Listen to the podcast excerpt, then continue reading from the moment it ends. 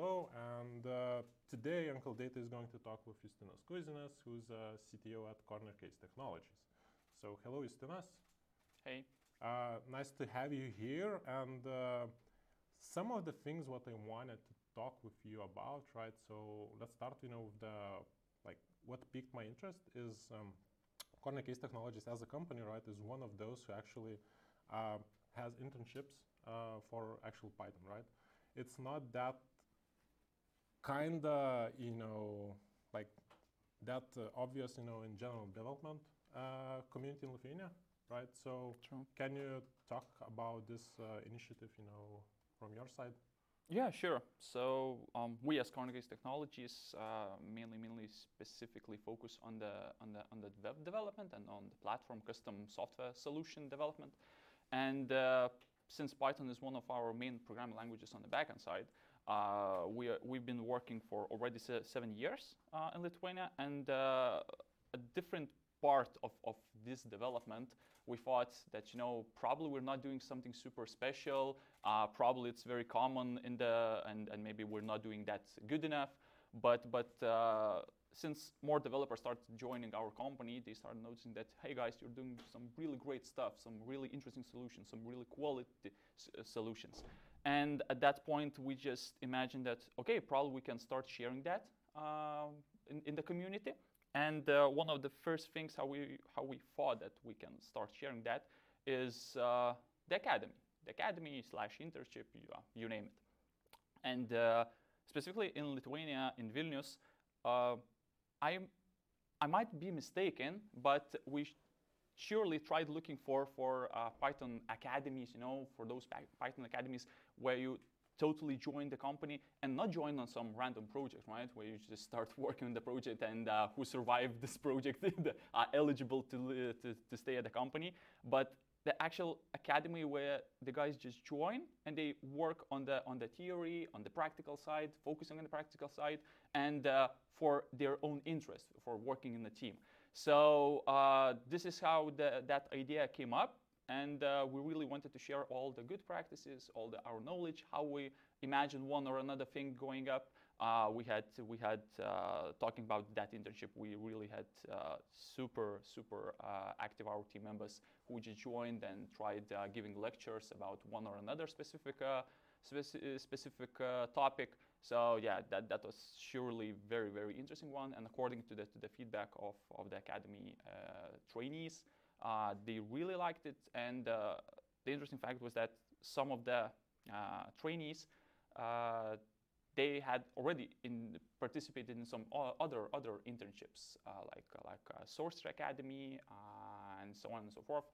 And uh, they truly valued that this one was truly focusing on the outcome and on giving you uh, particular knowledge rather than just you know picking up the ones who will survive your, your internship so yeah, that's that's in, in so, short. So no Hunger Games, right?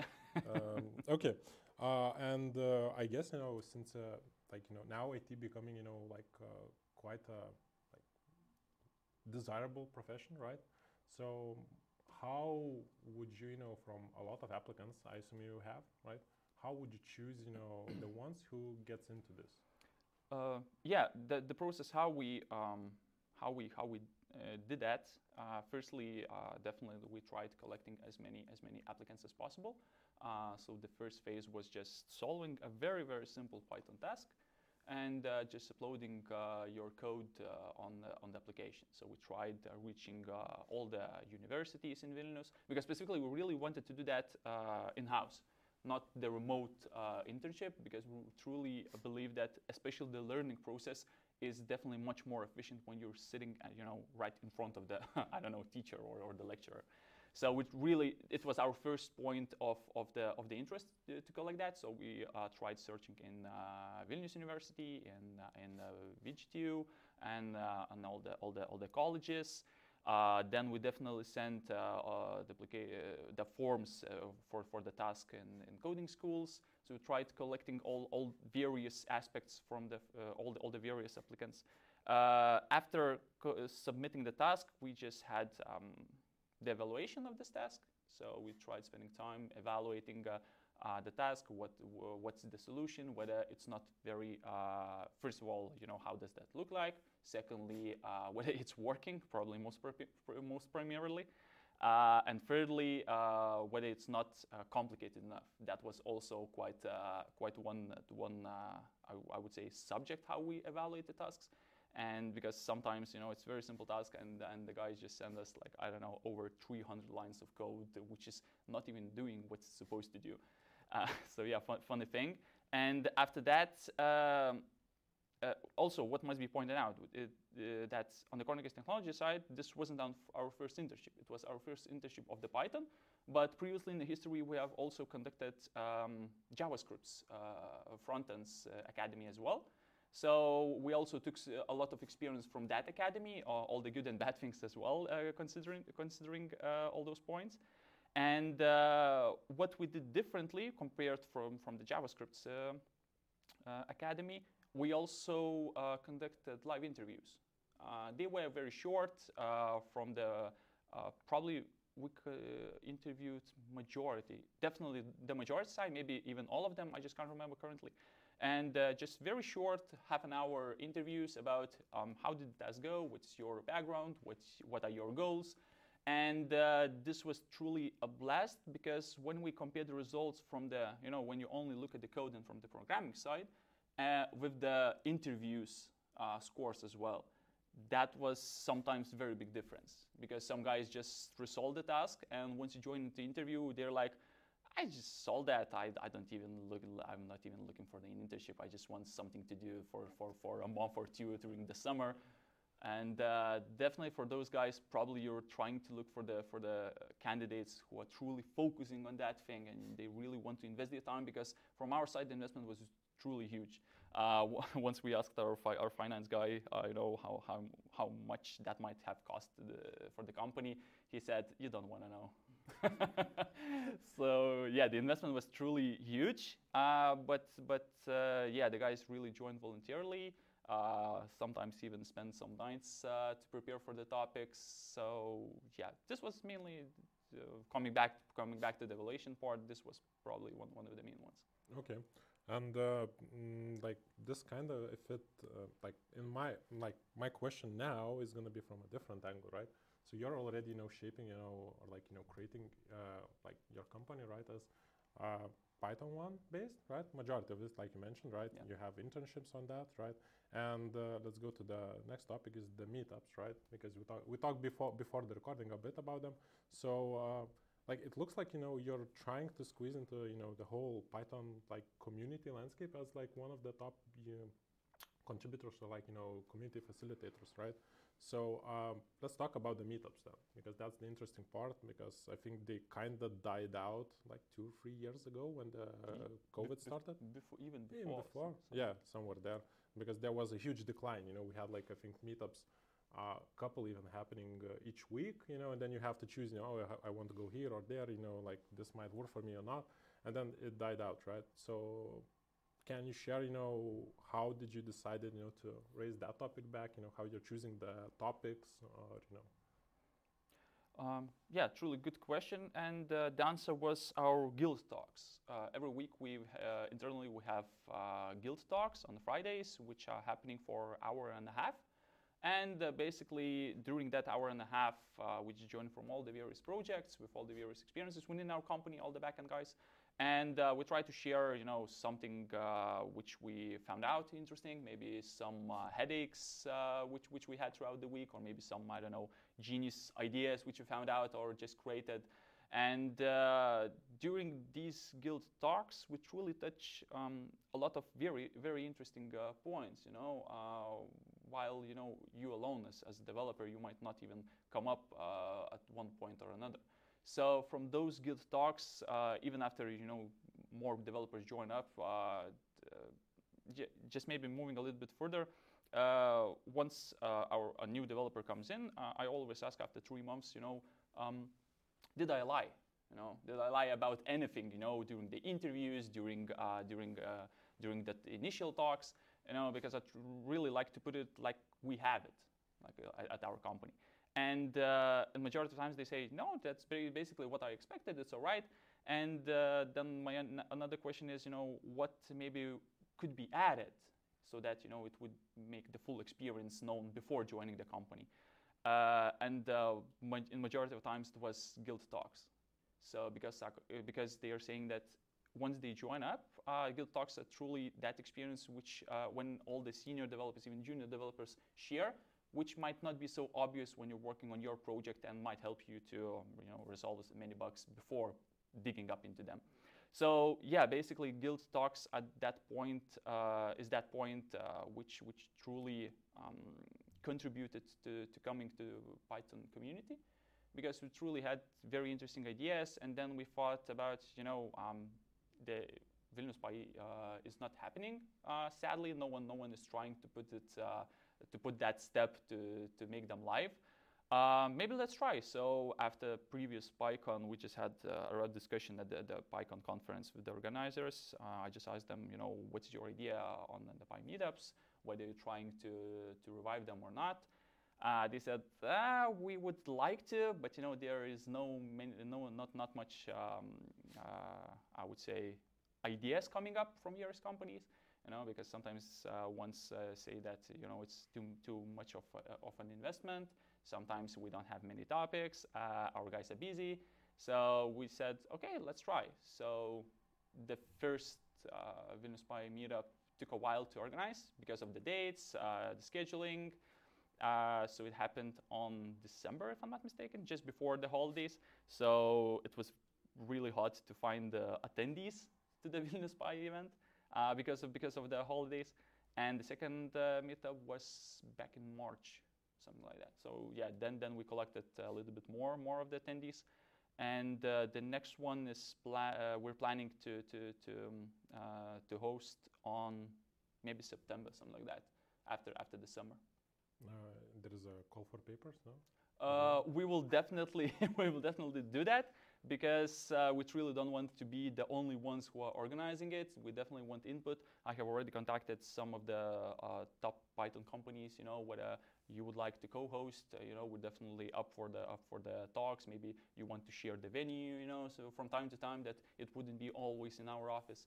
So yeah, we have this contact, and hopefully, fingers crossed that during the summer we will we will come up with some plan. Okay, so you mentioned one interesting thing, you know, is the guild talks and guilds in general, right? And uh, from my experience, you know, in different companies, when they have, you know, the guild name, right, it sometimes means completely different. so can you, you know, shed more light, you know, on this? Yeah, uh, mainly we have three dark sides, as I like to call three guilds. Uh, it's basically project, project managers, front enders, and the back enders. You know, uh, those three eternal uh, guilds. Uh, so from the backend perspective, uh, mainly Python, uh, but you know, front-enders are definitely not not you know locked from joining from joining Guild Talks. So yeah, definitely we were we vary. So some backenders sometimes join the front-end talks with presenting some topic, you know, like like a guest. Uh, but yeah, mainly this means that uh, the Python, uh, we sometimes have some Java or Node.js developers, so they are also joining, giving their ideas, uh, and you know, um, in the long run, it really, really uh, gets even a better experience because, for example, on the Python side, we're talking about some things, but then the front end or the Node.js guys comes in with, from the type, TypeScript experience, and they add up on the typing, how this can be done, how TypeScript handles that and uh, those discussions really, really uh, evolve into, something uh, interesting. Okay, and then controversial question: Why, why majority of, of you know is focused on Python? Um, good question.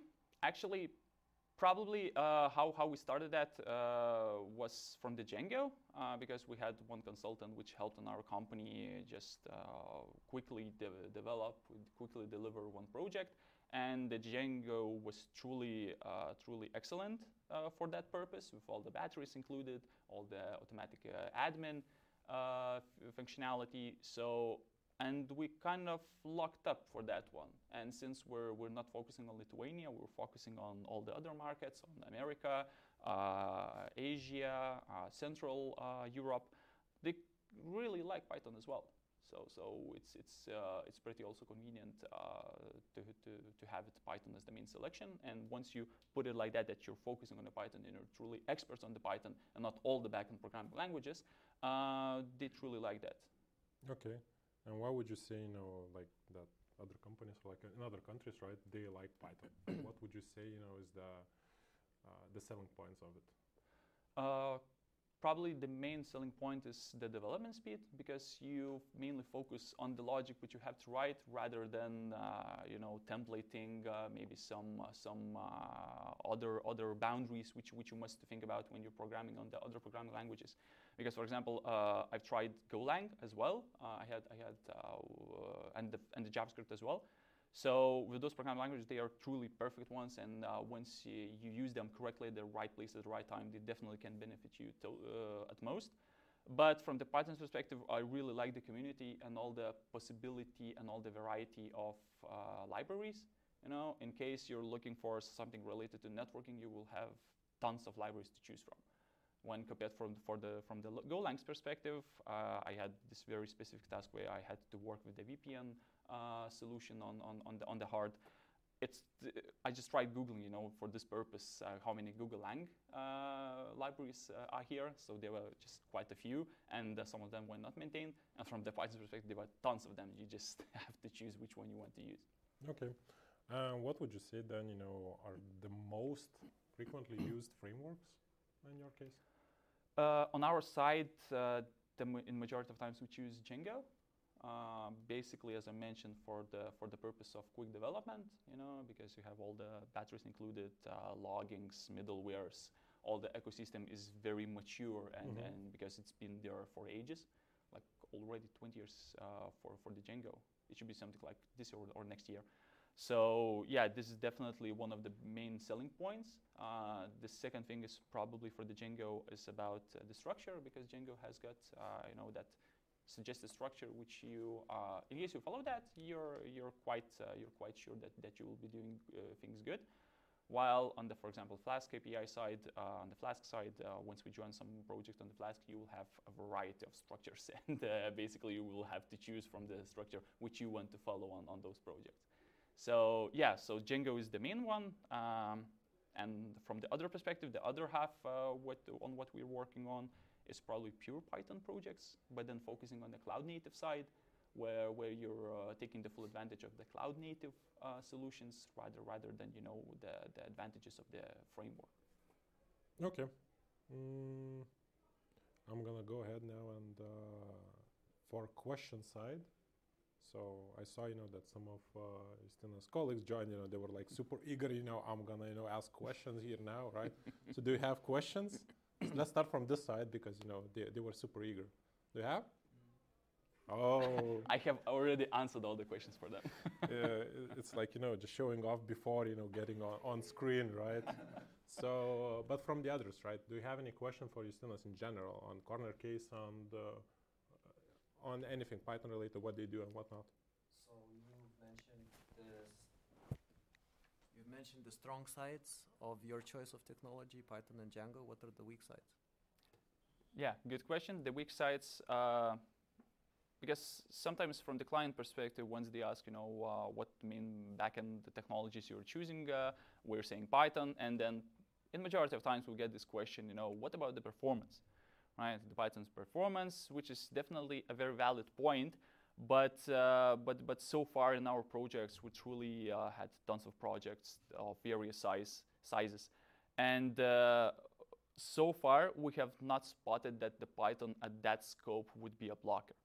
You know, once you maybe go into the uh, big uh, games, uh, you know, into, into, the big companies, then definitely yes, when you have to have it like, like in, in, in a matter of a click, then probably yes, some specific technologies would definitely suit you better. But so far, for the, for the platforms, for the web, for the mobile applications, uh, Django, uh, Python, cloud native, especially when you're using cloud native properly, uh, it's, it's not yet a big problem. And you know, the Python is definitely trying, trying to uh, cope up with that, trying to follow that, if I'm, if I'm not mistaken. With the Python 3.14, uh, the, the, author of the Python is expecting even a higher uh, focus on, on the performance side. Uh, so yeah, this is you know uh, sometimes put it as, as as the con of the Python, but uh, to reach that con, I think uh, you will you will uh, reach quite some quite some path. You will have to go quite some path to to reach that. another thing is maybe typing, I would say, because compared to the to the TypeScript, you know, it's very strict typed. maybe even going into into more uh, into Golang, for example, right? It's very strictly typed, and, uh, and maybe uh, and maybe you don't have these problems over there once you define types properly. So on the Python side, typing is, you know, first of all, it doesn't come up uh, as the requirement for the typing. You have to use some other third-party libraries to check your types to, to, to validate them. Uh, they are not strictly typed uh, by default. You know, they are they are not requiring strict types from by default. So this, this, this might be two problematic sites. And uh, yeah, maybe third one, since there is no templating, uh, it's quite easy for you to go off the structure in case, in case you're not handling your project uh, carefully. But probably with every programming language, you, you, you, you, you can get uh, this result. Any more? Can I add one? Sure, even Right. two. So thank you for the discussion. Um, I was interested if you would take away all of the know-how that you have of the Django ecosystem in Python, and let's say you would start a new company, right? Do you think you would still choose a similar stack uh, starting a new company, or would you take something more modern, like I don't know, Fast API or something completely different? Maybe you wouldn't even go for Python there. Hmm. Uh, yeah, interesting question.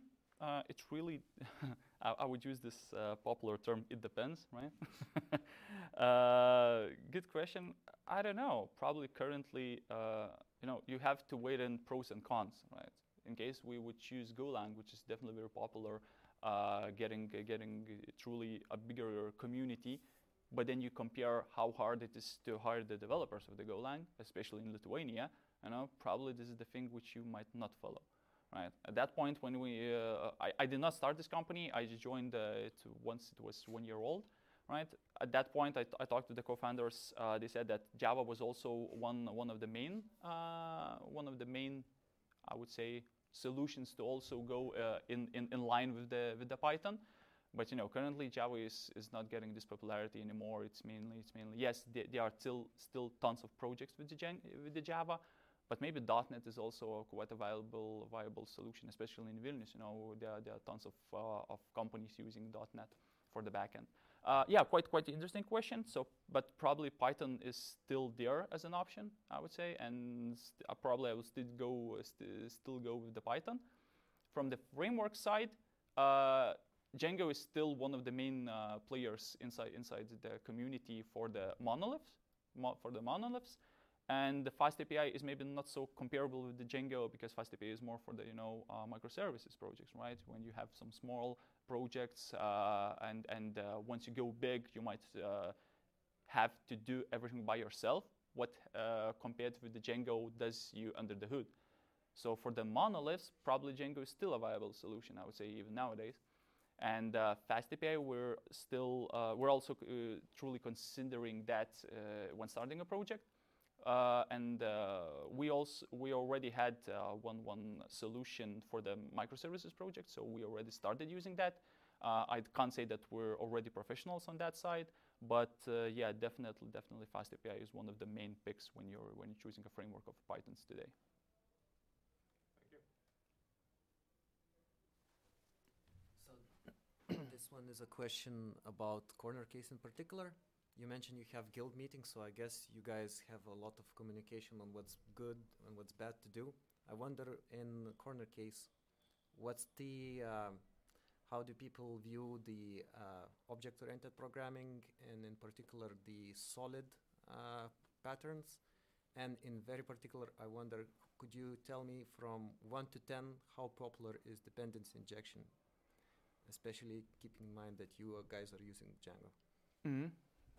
Uh, okay, I'll I will try I will try so to handle. De not dependence injection, dependence inversion, because there are very various ways to achieve that. Okay, and uh, when talking about dependence inversion, uh, how how do you see that in in the Django? You know. Well, that's the point, right? Django does not natively enhance that. So I wonder, do you guys try to build something out of the box, go out of your way to do it, or you're just like, oh, so Django is not asking us to do that, uh, telling us to do that, so we're just not gonna do it. I'm wondering, like, Okay. Uh, specifically, we have not raised this problem yet. You know, uh, like uh, a very uh, you know uh, underlying problem of the Django. So we have not yet reached something that we would need specifically think about. You know, dependency inversion. Or I, I might have not correctly understood your question. So from the Django side, we're not uh, actually quite differently handling that or maybe you have some specific use case uh, which uh, which would help us to, to, to come to this question. just regular client requirements and business logic and connecting together business logic models. Yeah. Um, yeah, for example, from the Django's perspective, uh, we had one use case uh, when, when we uh, also wanted to bring the onions. Uh, I don't know in case in case that's about that, like the onion architecture in, inside inside the Django. So definitely Django is not natively you know very friendly about that because the Django is mainly purpose is to have this whole ecosystem for the businesses, right? So all the ORMs, all the all the all the logging solutions, all the middlewares, all the caching solutions. So from that perspective, uh, we had that, and uh, and that worked quite nicely. You know, when when you're handling uh, that onion structure. Uh, but but from the other perspective, definitely we're coupling uh, business logic with the with the Django, uh, just to use the Django most efficiently uh, as as you can within your project. So the score is low. Uh, from that perspective, yes. In case in case you're trying to decouple that from the from the Django, so you couple that with the Django so that you would get the most out of the Django. Thank you. Anyone else? If no, so my last question you know, to wrap it up. So, what would you, what would your advice be, you know, for uh, anyone doing anything with Python? Uh, definitely don't stop learning. That's probably the main point, right? So yeah, definitely don't stop learning. Uh, try try to go to the conferences, to the meetups. Try to find some uh, mentors, especially if, in case you're uh, you're starting up. Uh, even in the Python community, I spotted inside the, the Python Lithuania channel that sometimes uh, guys just post, you know, I'm starting with the Python. I'm looking for some mentors. Uh, are there are there any any ones volunteering? So there are tons of mentors who would definitely up for helping you. So definitely start with that, and try doing something uh, instead of just you know trying to look for for some place to work. You know, because when when we're hiring, we're definitely looking what is the background, what this guy is doing, uh, not only on the job, but maybe you know some GitHub repository, some uh, mini projects which you're doing. So these are probably the, the main two things. And don't uh, don't let maybe failed interviews uh, uh, disappoint you, because out of the failure, all the successes can come up. Cool. Thank you. So, thank you for everyone who is listening, for the questions, and thank you, Stinas, for uh, talking with me. And have a nice day. Good. Bye.